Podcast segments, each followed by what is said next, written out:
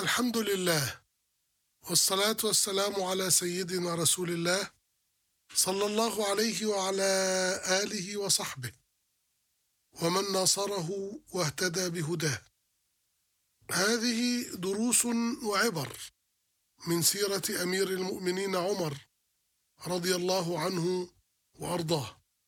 ذكرنا في اللقاء السابق أن أمير المؤمنين رضي الله عنه بعد العمل الشاق نهارا والقضاء بين الناس كان يعس ليلا يتحرك في طرق المدينة وفي جنباتها يتحسس أمر الناس ويعرف أخبارهم ويتفقد أمنهم وأمانهم.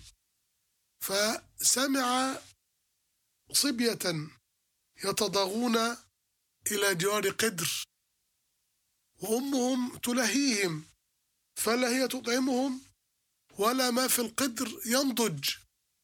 فسألها يا أمة الله ما شأن هؤلاء الصبية؟ وما سر بكائهم؟ فقالت والله ما وضعت في القدر شيئا إنما هو الماء ليس عندها ما تطعم به الأولاد. قال لها وما تشكين؟ قالت الله الله في عمر. وكأنها تشكو عمر. قال لها وما شأن عمر؟ بذلك قالت يلي أمرنا ولا يتفقد حاجتنا. فذهب إلى بيت المال وأيقظ غلامه أخرج دقيقا وسمنا وأخرج ما يطبخ وما يؤكل. فقال له الغلام أحمل عنك يا أمير المؤمنين. فقال له لا. وهل تحمل عني يوم القيامة؟ ثم ذهب إلى بيت المرأة وأخذ يتولى أمر وضع الطعام والإيقاد تحت القدر من جديد حتى اطمأن على أن الطعام قد نضج وأن الصبية يتناولون وقد ذهب ما بهم من جوع. وهذه الصورة هي التي ذكرها الشاعر الكبير حافظ إبراهيم في قصيدته المشهورة العمرية حيث قال ومن رآه أمام القدر منبطحا والنار تأخذ منه وهو يذكيها وقد تخلل في أثناء لحيته من الدخان وفوه غاب في فيها. رأى هناك أمير المؤمنين على حال تروع لعمر الله رائيها يستقبل النار خوف النار في غده والعين من خشية سالت مآقيها. فأطعم عمر الصغار وتعهدهم وأخذ يتعهد فقراء المسلمين ويصرف لهم ما يعينهم على شظف العيش.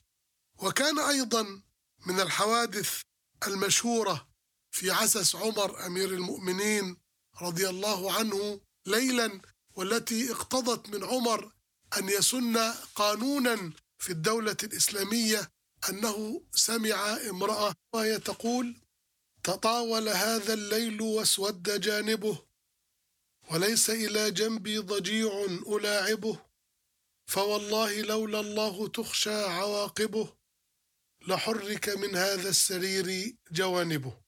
فسأل عمر بعد أن عرف البيت عن صاحب البيت فعلم أن هذه المرأة تمثلت بهذه الأبيات لأنها وحيدة وزوجها قد غاب عنها في الغزو. فرجع عمر إلى أم المؤمنين حفصة بنت عمر رضي الله عنها قال لها إن الله لا يستحي من الحق فكم تصبر المرأة على فراق زوجها؟ فدلته على مدة الإيلاء لأكثر مدة لو أقسم الرجل ألا يأتي أهله فيها لا يجوز له أن يزيد عليها بأربعة أشهر. فأصدر عمر قانونا يمنع أن يغيب الجندي عن بيته أكثر من أربعة أشهر. وفي الإسلام أن المرأة لها قرار ولها استشارة في سفر الرجل فلا يجوز أن يسافر الرجل فترة طويلة تعرض زوجه للفتنة إلا بإذنها ورضاها لئلا يكون هو سببا في فتنتها أو في انزلاقها إلى ما حرم الله. فلا يغيب الإنسان عن بيته وولده فيضرب في الأرض طويلا فيجمع مالا ويخسر ما هو أكبر والعياذ بالله. وأمر الصبر عن هذا يختلف بين رجل وآخر وبين امرأة وأختها. فلا بد أن يكون قرار السفر الطويل بالتشاور بين الزوجين وبرضا الزوجة وبموافقتها. أما إن لم توافق فلا يجوز أن يغيب عنها أكثر من أربعة أشهر كما سجل عمر في قوانينه وكان يقول رضي الله عنه لأمراء الجند لا تمنعوا الجنود من اللحم فإن اللحم شجرة العرب. أي ليس معنى أنهم في الغزو؟ أنهم يأكلون من النواشف وإنما حاولوا أن تجعلوا لهم طعاما فيه لحما فإن طعام اللحم له منزلة عند العرب هو بمثابة الشجرة التي يأوون إليها ويستظلون بظلالها. رضي الله عن أمير المؤمنين.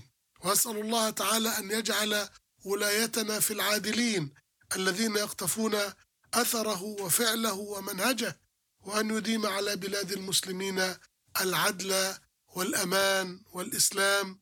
إنه بكل جميل كفيل وهو حسبنا ونعم الوكيل. وصل اللهم على سيدنا محمد وعلى آله وصحبه أجمعين.